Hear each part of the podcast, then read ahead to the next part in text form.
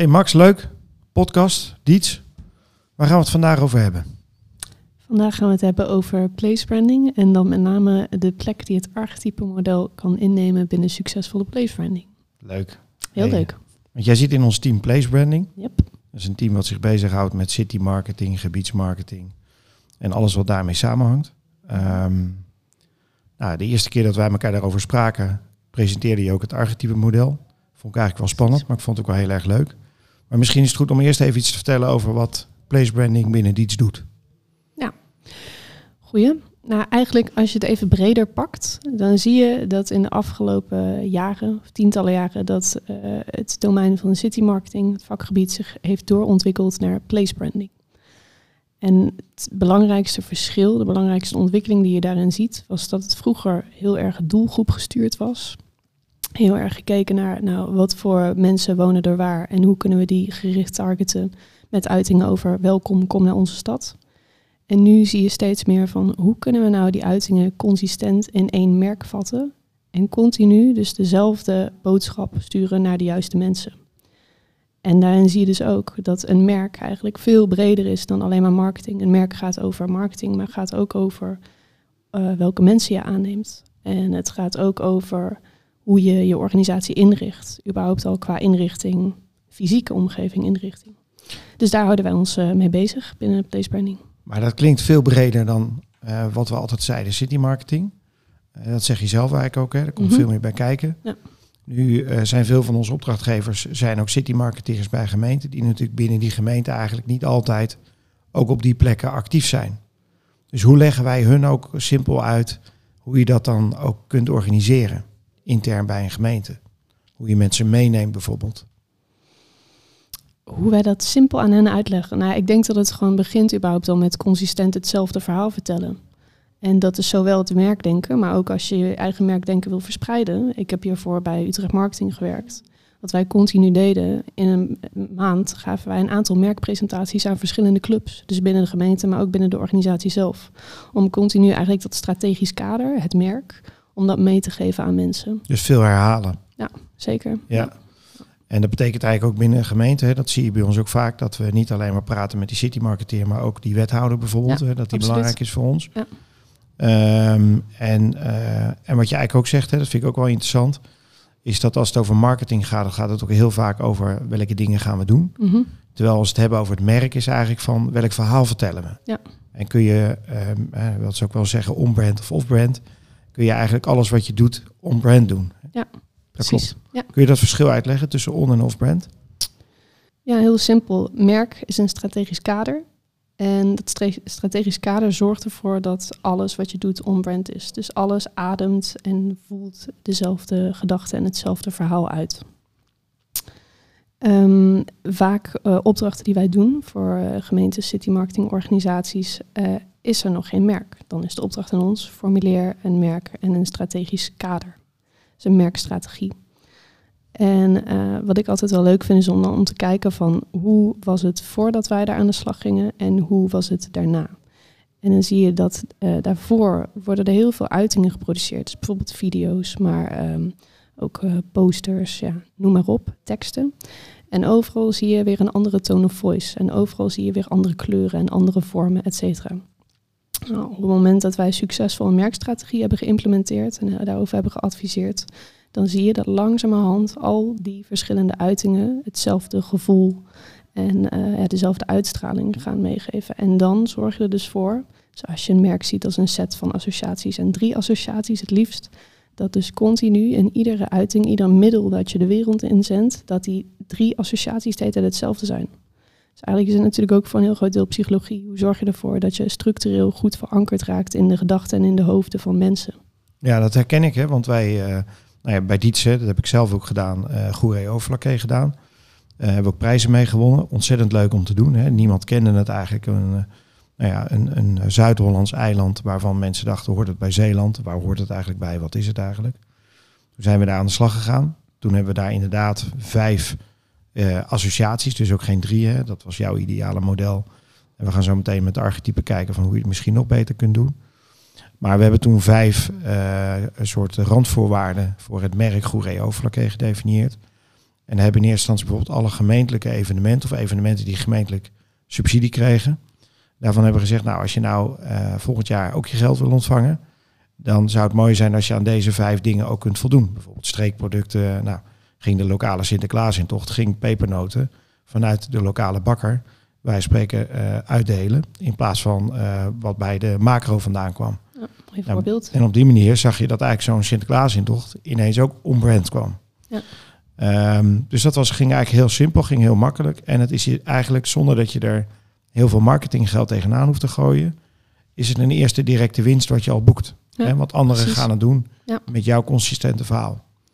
Ehm, Ik heb dat, ehm, eh, ik heb hiervoor dus bij Utrecht gewerkt en ik neem nu ook nog steeds een plek in binnen de evenementenfondscommissie. En ook daarin is het merk Utrecht meegenomen als een van de criteria. Ja. Dat is dus ook hartstikke mooi, want het gaat om grote evenementen die naar een stad toe komen. Dus bijvoorbeeld eh, eh, een groot rondreizend evenement is eh, de Passion. ja, Nou, die doet een aanvraag bij Utrecht. Past het dan wel of niet? En dan kan je dus echt het merk van Utrecht, hoe dat is ontwikkeld, kan je als soort van eh, ja, toets of kompas kan je ernaast gaan leggen. En op basis daarvan beslissen, hey, willen wij dit wel of niet in onze stad? in dit geval niet hè. Passion. In dit geval Nee. voorlopig in ieder geval Ja. niet. Dat is het laatste wat ik ervan weet. Ja. Ja, klopt. Hey, als we dan eens even naar de archetypen gaan, hè, want dat heb je ook voor je liggen. Dat Mhm. gaan we zo meteen ook nog in beeld eh, brengen, zodat ze, dat de mensen die naar ons kijken dat ook goed kunnen zien. Ehm, maar zou je eens heel simpel kunnen uitleggen wat die archetypes zijn en eh, wat het model inhoudt? Het archetype model is een, een model bestaat uit twaalf archetypes, ontwikkeld door eh, Jung, gedragspsycholoog, hele tijd ge- geleden inmiddels al. En het archetype model is een model om een goede, scherpe keuze te maken. En daar draait het uiteindelijk om bij branding. Een goede, scherpe keuze maken, waardoor je dus verankerd raakt in de hoofden van de eindgebruikers. Ehm, ik vind het archetype model werd oorspronkelijk, wordt nog steeds heel veel gebruikt in de commerciële sector. Maar je ziet, en ik ben daar ook groot voorstander van, dat het steeds meer zijn intrede maakt, ook binnen city marketing en place branding. Ehm, en ik vind het heel erg bruikbaar, omdat het je dus echt helpt op een hele simpele, toegankelijke manier om dus die keuze goed te maken en daar continu aan vast te kunnen houden. Ja. Wat vind jij ervan, van het archetype? Nou, ik moest eerlijk zeggen, wat ik daar straks al zei bij eh, de inleiding. Toen je het voor het eerst, toen je bij ons, toen werkte je nog niet bij ons, kwam je een verhaal presenteren over eh, het, eh, het merk Utrecht, of het Utrecht merk eigenlijk. Hè. En eh, daar gebruik je ook de archetypes bij. Dat vond ik eigenlijk super gaaf. Omdat je in plaats van vijf of drie associaties ineens eigenlijk naar één ehm, ja, persona gaat als het ware. Ja. Die je voor de geest haalt. Waardoor een, een, een dingen ook ineens heel makkelijk tastbaar te maken zijn. Dat was een beetje hoe het bij mij overkwam. En wat ik ook super gaaf vind, en misschien kun je daar nog iets over zeggen, is eh, hoe doen nou verschillende steden, eh, eh, hoe gaan die nou om met dat archetype model? Heb je daar leuke voorbeelden van? Nou, er zijn eh, eigenlijk, ehm, voor zover ik weet, kijk, je kan heel veel steden kan je eh, zien als een archetype. We hebben, ik heb het hier voor me liggen en dan zie je bijvoorbeeld eh, Rotterdam. eh lijfspreuk is make it happen. Nou, het gaat gewoon echt om uh, rouwdouwen en hop. Dus dat zit meer in de hoek van de rebel of de rebel. En zo, kan je, zo zie je de steden vaak wel. Dus het is überhaupt al vaak een eerste goede graadmeter om te kijken van hé, hey, waar zit het op? En daar maken wij nu ook vaak gebruik van uh, in opdrachten. Als wij from scratch een merkstrategie uh, moeten bedenken, dan werk je ook altijd vanuit DNA. Dus dan kan je al meteen checken. Hey, nou, dit voelt bijvoorbeeld, uh, ik zie veel um, hoekige gebouwen. Veel, het gaat veel de lucht in. Er is veel gebruik gemaakt van beton. Uh, de tinten zijn wat grijzer. Nou, dan zit je überhaupt al niet echt in de hoek van de, uh, de lover, zeg maar. Dus uh, warm, rood, ronde vormen. Of de onschuldige, dan zit je al wat meer aan de harde kant. Dus dat even vanaf de ene kant. Dus maar dat vanaf betekent dus ook naar dat binnen. je betekent dus ook dat je zo'n archetype niet helemaal vanaf een tekentafel kunt verzinnen, maar je moet eigenlijk zo'n stad of gemeente of plek ook lezen. Oh, helemaal. Ja, dat is goed dat je het zegt. Want dat is bij city marketing, place branding is dat essentieel dat je dat doet. Je moet altijd, geloof ik echt, je moet echt uitgaan van het DNA. Ja. Maar ook kijken naar de ambitie. Want er ligt altijd een ambitie om te herontwikkelen of wat dan ook. Uh, en dat is echt een wezenlijk verschil met de commerciële sector natuurlijk. Want daarin kan je. Nou, een goed voorbeeld is Old Spice. Ken je dat toevallig? Een, uh, Help me eens even. Herenparfum. Nee, niet nee? mijn, uh, niet mijn niet luchtje. Nee. Nou, Old Spice was uh, in de jaren twintig of zo is dat uh, in Toen de leefde ik nog gezet. niet. Nee, Oh, sorry, Luc. Ja. Nee, toen is dat in de markt gezet uh, als ja, eau de cologne eigenlijk.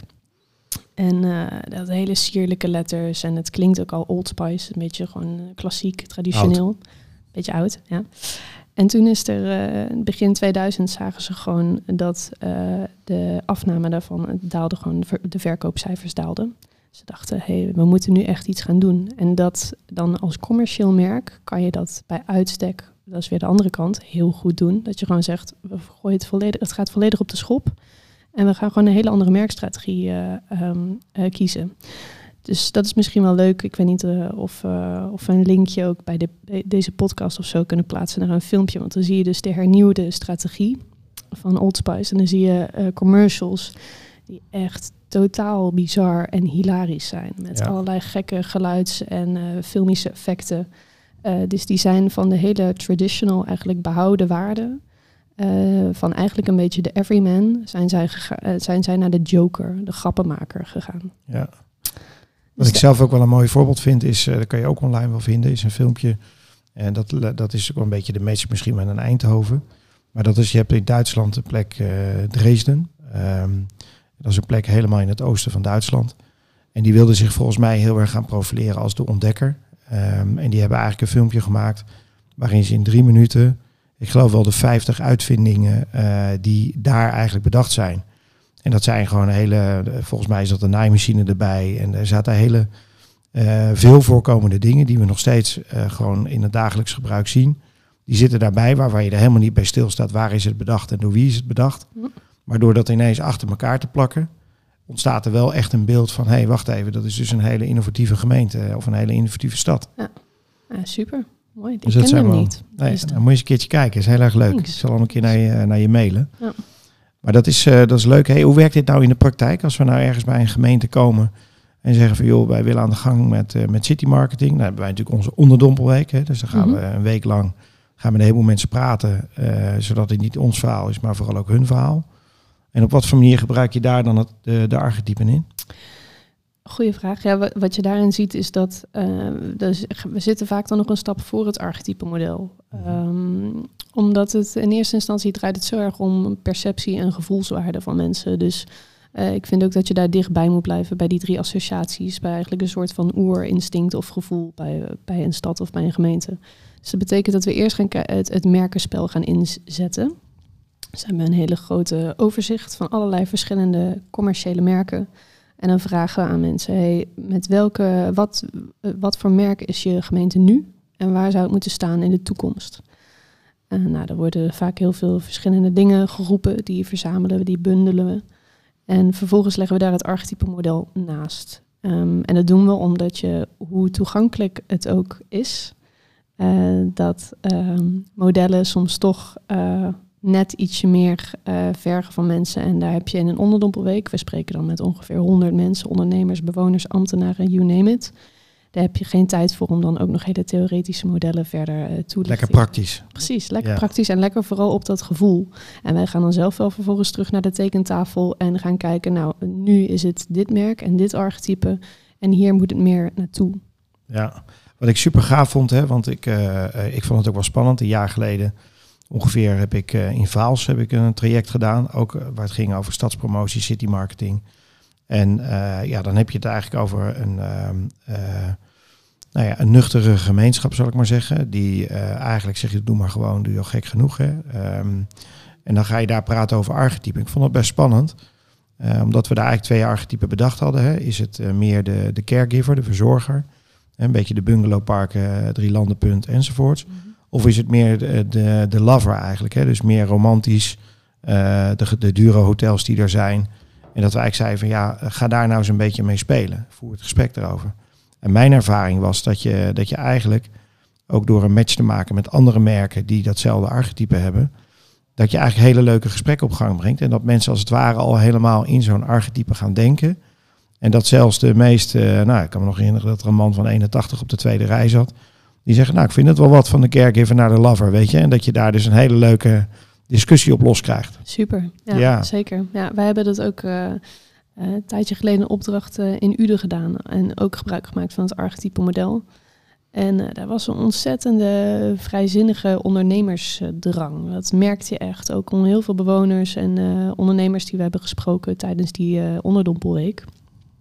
En uiteindelijk kwamen we ook uit op het archetype de lefgozer. Dus gewoon even sterk naar buiten treden. Nou, er waren superveel mensen echt heel erg enthousiast over. En dan en als je hem dan gaat plotten ook, dus je geeft daar meteen ook uh, inzicht bij van ja, wat betekent dat dan hè, voor je uitingen? Dus wat betekent dat voor je, voor je video's die je gaat maken, voor je posters, uh, voor de evenementen die je in de etalage gaat zetten. En dan gaat het echt leven. En dan, dan vinden mensen het ook super leuk om daar zelf mee over na te denken en te bedenken wat voor nieuws zouden we dan ook kunnen organiseren aan evenementen. Ja, superleuk. Ja, dat werkt superleuk. heel goed. Ja. Hey, we hebben nu eigenlijk een soort sneak preview gegeven hè, van wat, uh, waar heb je het over. Dus we zijn begonnen met wat is nou place branding. Dat het eigenlijk een doorontwikkeling is vanuit city marketing. Dat het dus heel erg gaat ook over branding, over merken neerzetten. Dat merken niet gaat over dingen doen, maar dat het vooral gaat over een consistent verhaal vertellen. We hebben het erover gehad dat je met associaties kunt werken, maar eigenlijk dat zo'n archetype uh, daar een mooie uh, rol in kan spelen. Hè. Dat eigenlijk als, als werkvorm ook, als leidraad. Um, nou, we zijn nu een beetje aan het einde gekomen van deze, van deze podcast. Wat zou je nou, uh, mensen die denken, ja, hey, dat is eigenlijk wel wat voor mij, of ik zou er wel wat mee willen. Um, zou je nog iets kunnen adviseren, hoe je daar een eerste stap mee kunt zetten? Goeie vraag. Um, nou ja, ik, wat ik net ook wel al zei, van ik, het, het, werkt heel erg vanuit gevoel. Dus maak er ook een leuk spel van. Weet je, wij zetten ook niet voor niets het merkenspel in. Um, het gaat erom dat je uiteindelijk uh, zelf ook aan het denken wordt gezet en ook andere mensen kan helpen en aan het denken kan zetten van hey, hoe kunnen we nou nog meer richting dit archetype gaan. Ja. En weet je, daarbij moet ik ook zeggen, het is soms wel het is een illusie om te denken dat je alles on-brand kan krijgen. Dat moet ook helemaal niet het doel zijn. Maar ik denk dat het doel vooral ook van archetype is dat scherp krijgen en mensen inspireren om daarmee aan de slag te gaan. En zo een duidelijker beeld van jezelf en je gemeente of je plek naar voren te brengen. Ja. Dus uh, uh, maak het leuk, maak het uh, energiek en gebruik het archetype model. Ja, superleuk. En dit plaatje, want hier zien we ook, ik zie Amsterdam, Leiden, maar ik zie bijvoorbeeld ook Kaatsheuvel en ehm, Maastricht. Het is een plaatje eigenlijk een soort, uh, nou ja, alle archetypen gekoppeld ook aan een uh, plaats in Nederland. Nou, die plaatsen we zo meteen ergens uh, ook dat je het kunt zien. En dat geeft een aardig beeld. Um, en nou ja, volgens mij is het hartstikke leuk om deze introductie zo even te doen. Um, dus leuk, dankjewel. Was superleuk. Bedankt. Oké. Okay.